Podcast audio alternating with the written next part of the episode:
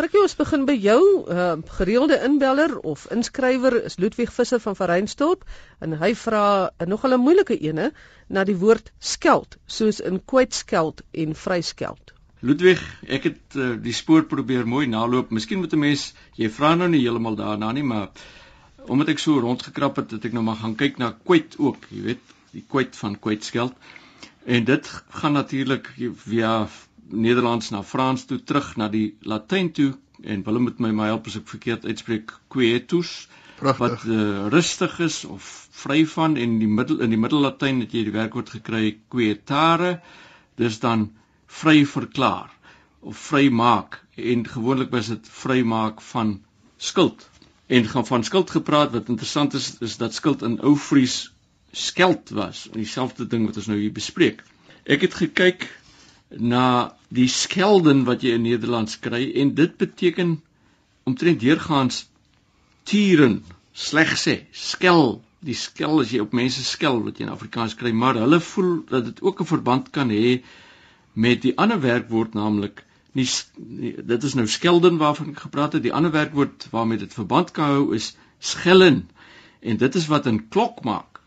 Dit is as 'n klok beier dan dan skel hy Nou was daar by my 'n teorie dat miskien as jy iemand kwyt geskeld het, het jy aangekondig deur 'n klok te lui dat hierdie ou nou vrygespreek is. Maar dit is nou maar net 'n teorie. Toe ek verder bietjie gaan lees het en eh, het ek in die WNT 'n betekenisie gekry met skellen waar daar staan een saak vir iets verklaar of uitmaak. Nou as 'n mens dan 'n saak kon uitmaak vir kwyt kwyten die werkwoord wat jy in Nederlands kry vir kwyten kwytmaking dan het jy 'n persoon vrygestel. Jy het 'n saak uitgemaak daarvoor dat jy iemand vry van skuld kon verklaar. Nou hierdie wys maar dat uh, etimologie nie altyd 'n totaal eksakte wetenskap is nie want ek het nêrens 'n uh, werklik ware goeie uh leidende antwoord ge gekry oor hierdie saak nie. En uh luisteraars wat nou geluister het en gehoor het ek sê eksak moet tog nie in hulle koffie of tee stik nie. Dit is 'n woord wat net so in Nederlands al die jare bestaan met 'n ex gespel word en dit kom uit Latyn uit. Cecile Ferreira, en dit kom nou na jou kant toe Willem, sê sy hoor die woord bevonk op RSG en dan wonder sy wat dit beteken. Ek is bly sy vra vir jou. Ja, Cecile, ek het self ook al uh, gewonder en aanvanklik maar was ek maar baie huiwerig oor die woord, maar bevonk is die skepping van ene Stefanus Nel. Hy het die uitdrukking Afrikaans is bevonk uitgedink en hy het dit gedoen vir sy reklameveldtog vir die pendoring kompetisie. Nou die pendoring kompetisie soos die luisteraars waarskynlik weet, is die jaarlikse kompetisie om die beste Afrikaanse advertensies uh, te beloon. Dit beteken iets soos lekker, lewendig, wakker, wonderlik. So Afrikaans is wonderlik. Maar uh daar het ook 'n wyeer betekenis hier uit ontwikkel en mense sal byvoorbeeld sê die rugby was Saterdag bevonk. Nou ek het so 'n vermoede dat bevonk ook 'n woordspeling kan wees op 'n lelike vloekwoord, maar uh, wie sal dit nou ooit kan bewys? Maar soos dit gebruik word deur RSG beteken dit Afrikaans is wakker, wonderlik, lekker. Frikkie, ons kyk na jou. Anthea Adams vra oor die vertaling van battery, a battery of tests in ja. Afrikaans en ook oor die vertaling van palm test. Dis nou handpalmtoets. Hmm. Of is dit? Ja, wel eh uh, Anthea a battery of tests word, word vertaal of kan vertaal word as 'n hele reeks toetse. Maar as 'n mens nou die ding omgooi en jy kry test battery en jy moet dit vertaal dan werk toetsreeks miskien nie so lekker nie ook omdat dit polisemies is en dus dubbelsinnig kan wees. Nou in Nederlands bestaan battery onder andere in die betekenis groep van gelyksoortige of by een behorende eenhede. Dit is dus waarskynlik nie ver gesog om van 'n battery toetse of 'n toetsbattery te praat nie want dit is sulke gelyksoortige of uh, byeenhorende eenhede wat hiervan gepraat word. En as 'n mens na die psigologie woordeboek toe gaan, dan sien jy hulle gebruik dan ook inderdaad toetsbattery en dit is sterk gevestig as 'n term. Dit is dan 'n reeks verwante psigologiese toetse wat na mekaar afgeneem word of 'n reeks toetse waarvan die tellings gekombineer word om 'n enkele telling vir jou te lewer. Uh in die geval van palm test wat sy vra is dit korrek uh vertaal as handpalm toets. Uh ek is ek ek kom 'n bietjie kontekstuele leiding hier kort van haar kant af. Maar as ek weer maar gaan kyk na die na die psigologie woordeboek, 'n palmer test met ander woorde wat met die palm gedoen word of palmer palmer reflex en dan vertaal hulle dit wel met met 'n handpalm reflex met ander woorde 'n soort reflex by pasgeborenes wat jy kry wanneer jy uh, aan die palm vat dan word die handpalmpie toegemaak. Uh ek ek weet nie of sy na so iets ver, verwys nie maar handpalmtoets kan na analogie van wat ek reeds gelees het oor ander sake kan waarskynlik toegepas word en gebruik word vir palm test. Willem, hier's nou 'n vraag oor voorsorgsmaatreëls teenoor voorsorgmaatreëls. Dit lyk met daai bindings S en dan afgelas teenoor aflas. Dit is so voorsorgsmaatreëls was 'n aantal jare gelede ehm um, gebruiklik.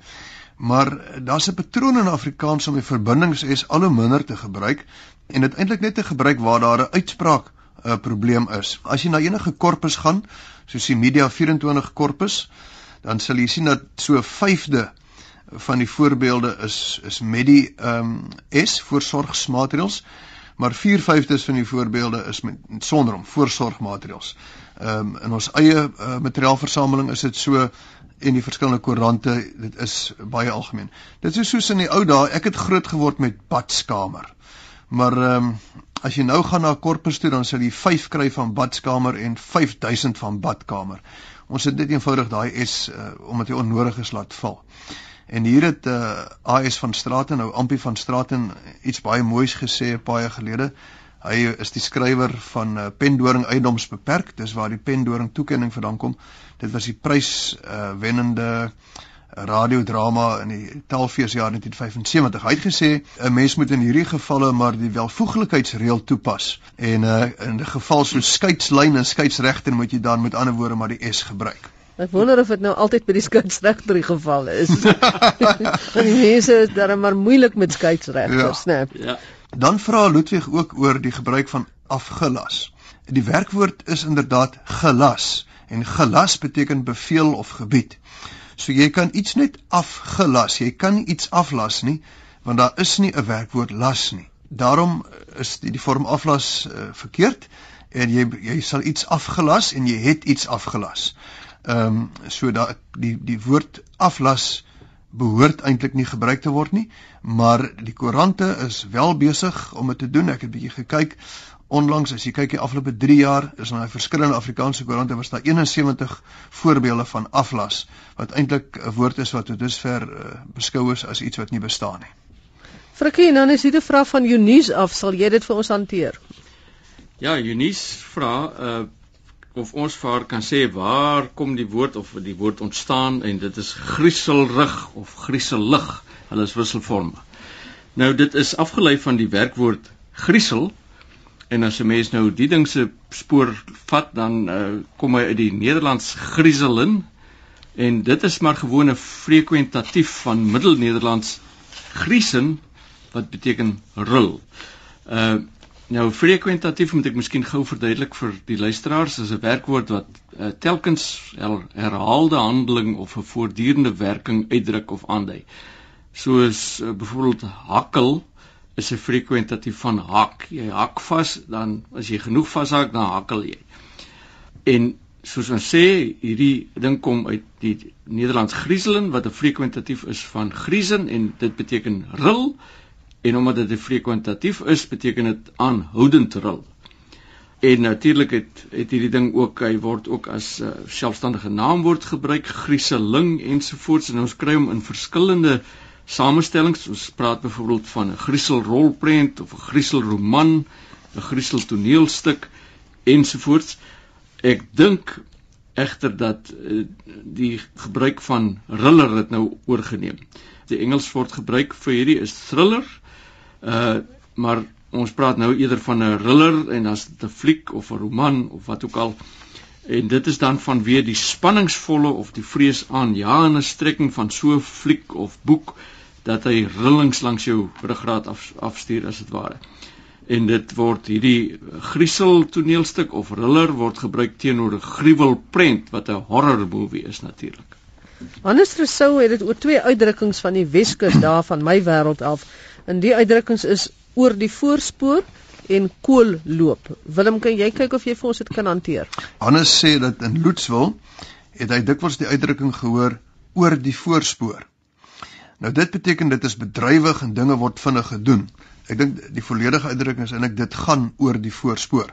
Nou dit het sy oorsprong uh, van die spore van 'n perd. As 'n perd stadig loop, trap die agterste poot agter die voorpoot en die en die en die spore lê die voorpoot is voor en die agterpoot is agter. Maar as die perd egter hardloop, trap die agterste pote oor die voorste poot en so is die spore ook dan. Die agterste spoor is oor die voorste spoor. Soos jy sê dit gaan oor die voorspoor, dan gaan dit bedrywig, dinge word vinnig gedoen. Die dinge is aan die gang.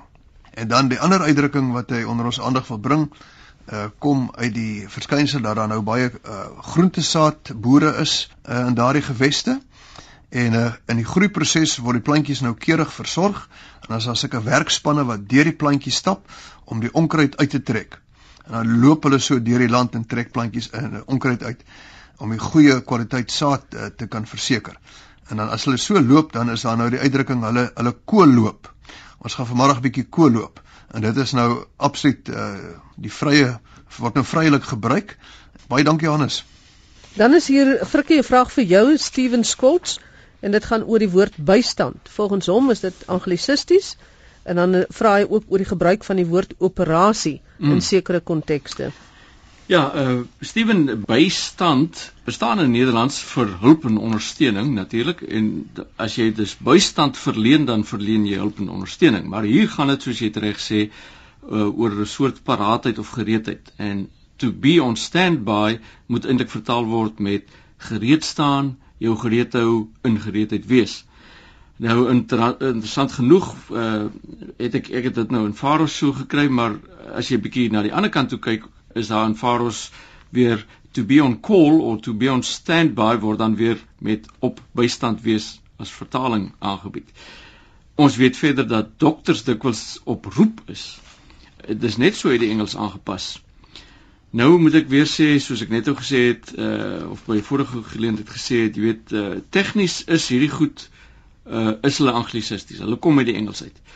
Maar hulle leef al so lank in die volksmond dat ons werklik nie veel daaraan kan doen nie. En soos 'n vriend van my gesê het as ons nou vir 'n dokter sê deesdae hulle kan nie meer oproep wees nie dan sal die hele spul emigreer Kanada toe of so. Dit is iets wat helaas jy weet die kreti en die pleti praat so en 'n mens kan nie te veel daaraan doen nie. Steven het dit ook oor operasie nie sê hy soos dit in die weermag konteks is nie want 'n mens praat inderdaad van militêre operasies Ek dink mense sal eerder van 'n van 'n militêre operasie praat as 'n krygsverrigting, maar hy het hy het dit daaroor dat die dat die term gebruik word waar bedryf behoort gebruik te word. A director of operations is byvoorbeeld 'n bedryfsdirekteur en nie 'n eh, direkteur van operasies nie. En ons praat van bedryfskostes en die soort van ding vir operational costs en ek stem daarmee 100% uh, saam Steven. Ons skryf baie in die keer in die weermag um, konteks weer operasie Wula of operasie ja, Okavango. Ja. ja. Hoe word dit dan daar? Jy kan nie sê bedryf Wula en bedryf Okavango nee, nie. Nee, jy weet dit is uh dit is letterlik 'n 'n operasie wat jy onderneem. Dit is in in militêre taal is is dit al hoe lank vasgelê waar dit gaan oor bedryf want jy kan dit nie hier vervang nie die militêre operasie is 'n hele ding wat jy beplan om 'n hele strategie wat jy uitwerk en dit gaan gepaard met 'n totale logistiek wat beplan moet word waar die stafmense soos net so van gepraat het sal werk en dan is dit iets wat uitgevoer word. Dit is die operasie maar waar dit gaan oor iets wat met 'n bedryf te doen het dan hou ons by bedryf en die operasie nie. Nou Willem, ons het voorheen al in een van die tale programme gepraat oor taal wat nie altyd logies is nie. En hierso is nou een wat vir my nog nooit logies was nie en wat ek ook graag wil hoor, wat is die rede hiervoor? En dit is Bianca van Skoor wat gevra het, "Hoekom spel ons radio met 'n i o, maar video met 'n e o?" Ehm um, Bianca uh, en Magdalene, dit dit gaan maar oor die herkoms. Radio uh, is afgelei van die latynse woord radius wat 'n straal is en hy word met 'n u u op die einde gespel, so radio sal dan 'n u hê. Audio dieselfde rede, audio is Latyn vir ek hoor. So daar dit verklaar die u daar, terwyl video met die eo is die Latynse woord vir ek sien. En stereo kom uit die Grieks stereos wat hard of solied beteken. So dis maar absoluut terug na die wortel in Grieks en Latyn. Voorsien julle dat dit in die toekoms dalk video met 'n u ook ook kan raak of dan radio met 'n eo? Snaaks nog het ek nog nie eintlik daardie uh, dwaling uh, gesien nie. Mense vra dit dikwels, maar almal spel dit tog reg. Ja, jy weet, dis ook maar 'n konvensie. Die goeters soos Willem nou gesê het, dit, dit dit kom nou van die klassieke af en dit is so vasgelê dat mense uh dit nog reg skryf. Ek dink uh, net 'n ietsie wat ek kan byvoeg, ek dink daar is 'n liedjie uit my kleintyd het uh video kill the radio star. Frikkie, hier is nou 'n dom vraag of dit moet liewer sê, dis is 'n vraag oor of daar iets soos 'n dom vraag is. ek is seker daar is goed soos dom vrae, maar uh Ilse wat hierdie vraag gevra het, is baie interessant. Uh sy sê ons beskou so iets uh, as jy vir iemand sê is jy wakker en dan is die persoon heel duidelik wakker eh, beskou ons as 'n sogenaamde dom vraag. Maar dan sê sy self, maar dit gaan tog nie net oor uh, baie keer oor hoe dit in Afrikaans die feitelike van die uitdrukking nie, maar dit gaan oor meer is dit. En dan noem sy woorde wat heel moeilik en ingewikkeld is en ek het gaan kyk daarna. Uh taaldade of taalhandelinge word op, op drie vlakke onderverdeel. Die eerste is die sogenaamde lokatiewe daad en sy praat nou ook hier daarvan. Dit dat's waar 'n spreker gewoon iets sê. Hy sê dan is jy wakker. Met ander woorde en die en dit lê suiwer op die vlak van die semantiek. Dit beteken net uh, het jy nou uit die toestand van slaap ontwaak. Maar dan kry jy ook die illokatiewe daad en dit is waar die spreker 'n bepaalde bedoeling het met die uiting, naamlik 'n versoek of 'n bevel of 'n suggestie en jy kry ook die perlokatiewe daad waar die spreker 'n bepaalde effek wil verkry of die optrede wil beïnvloed. En dit lê op die vlak van die pragmatiese taalkunde, met ander woorde die onderafdeling van die linguistiek waarin die funksionering van taaluitings in kommunikasie bestudeer word. Want as jy vra, sê net maar ek vra vir my vrou, is jy wakker? Dan kan ek daarmee iets suggereer. Ek kan sê O, ek let op jy is wakker en dus kan jy die kat nou gaan uitsit buite, jy kan die koerant gaan haal vir ons en jy kan die ketel aansit en koffie maak of die soort van ding. Uh dit is alles dinge wat bykom. Dit is nie dom vrae nie. As jy self ook vra, sit hier iemand, is dit en dit is heel duidelik dat die sitplek leeg is, dan is dit nie noodwendig 'n dom vraag nie want die plek kan bespreek wees. Jy wil so iets uitvind. En as jy sê vir iemand wat geval het, het jy seer gekry terwyl die persoon lê en krul, dan dan druk jy met daarmee jou besorgdheid uit of jy wil weet tot watter mate die ander persoon beseer is. Dit is nie noodwendig dan dom vrae hierdie nie. Goed Willem, hier is 'n vraag van Leon Voet of eerder 'n stelling wat hy gemaak het en dan vra hy nou jou insette daarso oor die Duitse nedersetters in Filippi destyds. Ja, sy pa was een van die Duitse nedersetters in Filippi op die Kaapse vlakte en hy gebruik uitdrukkings in Afrikaans wat Leon vermoed eintlik suiwer Duits is.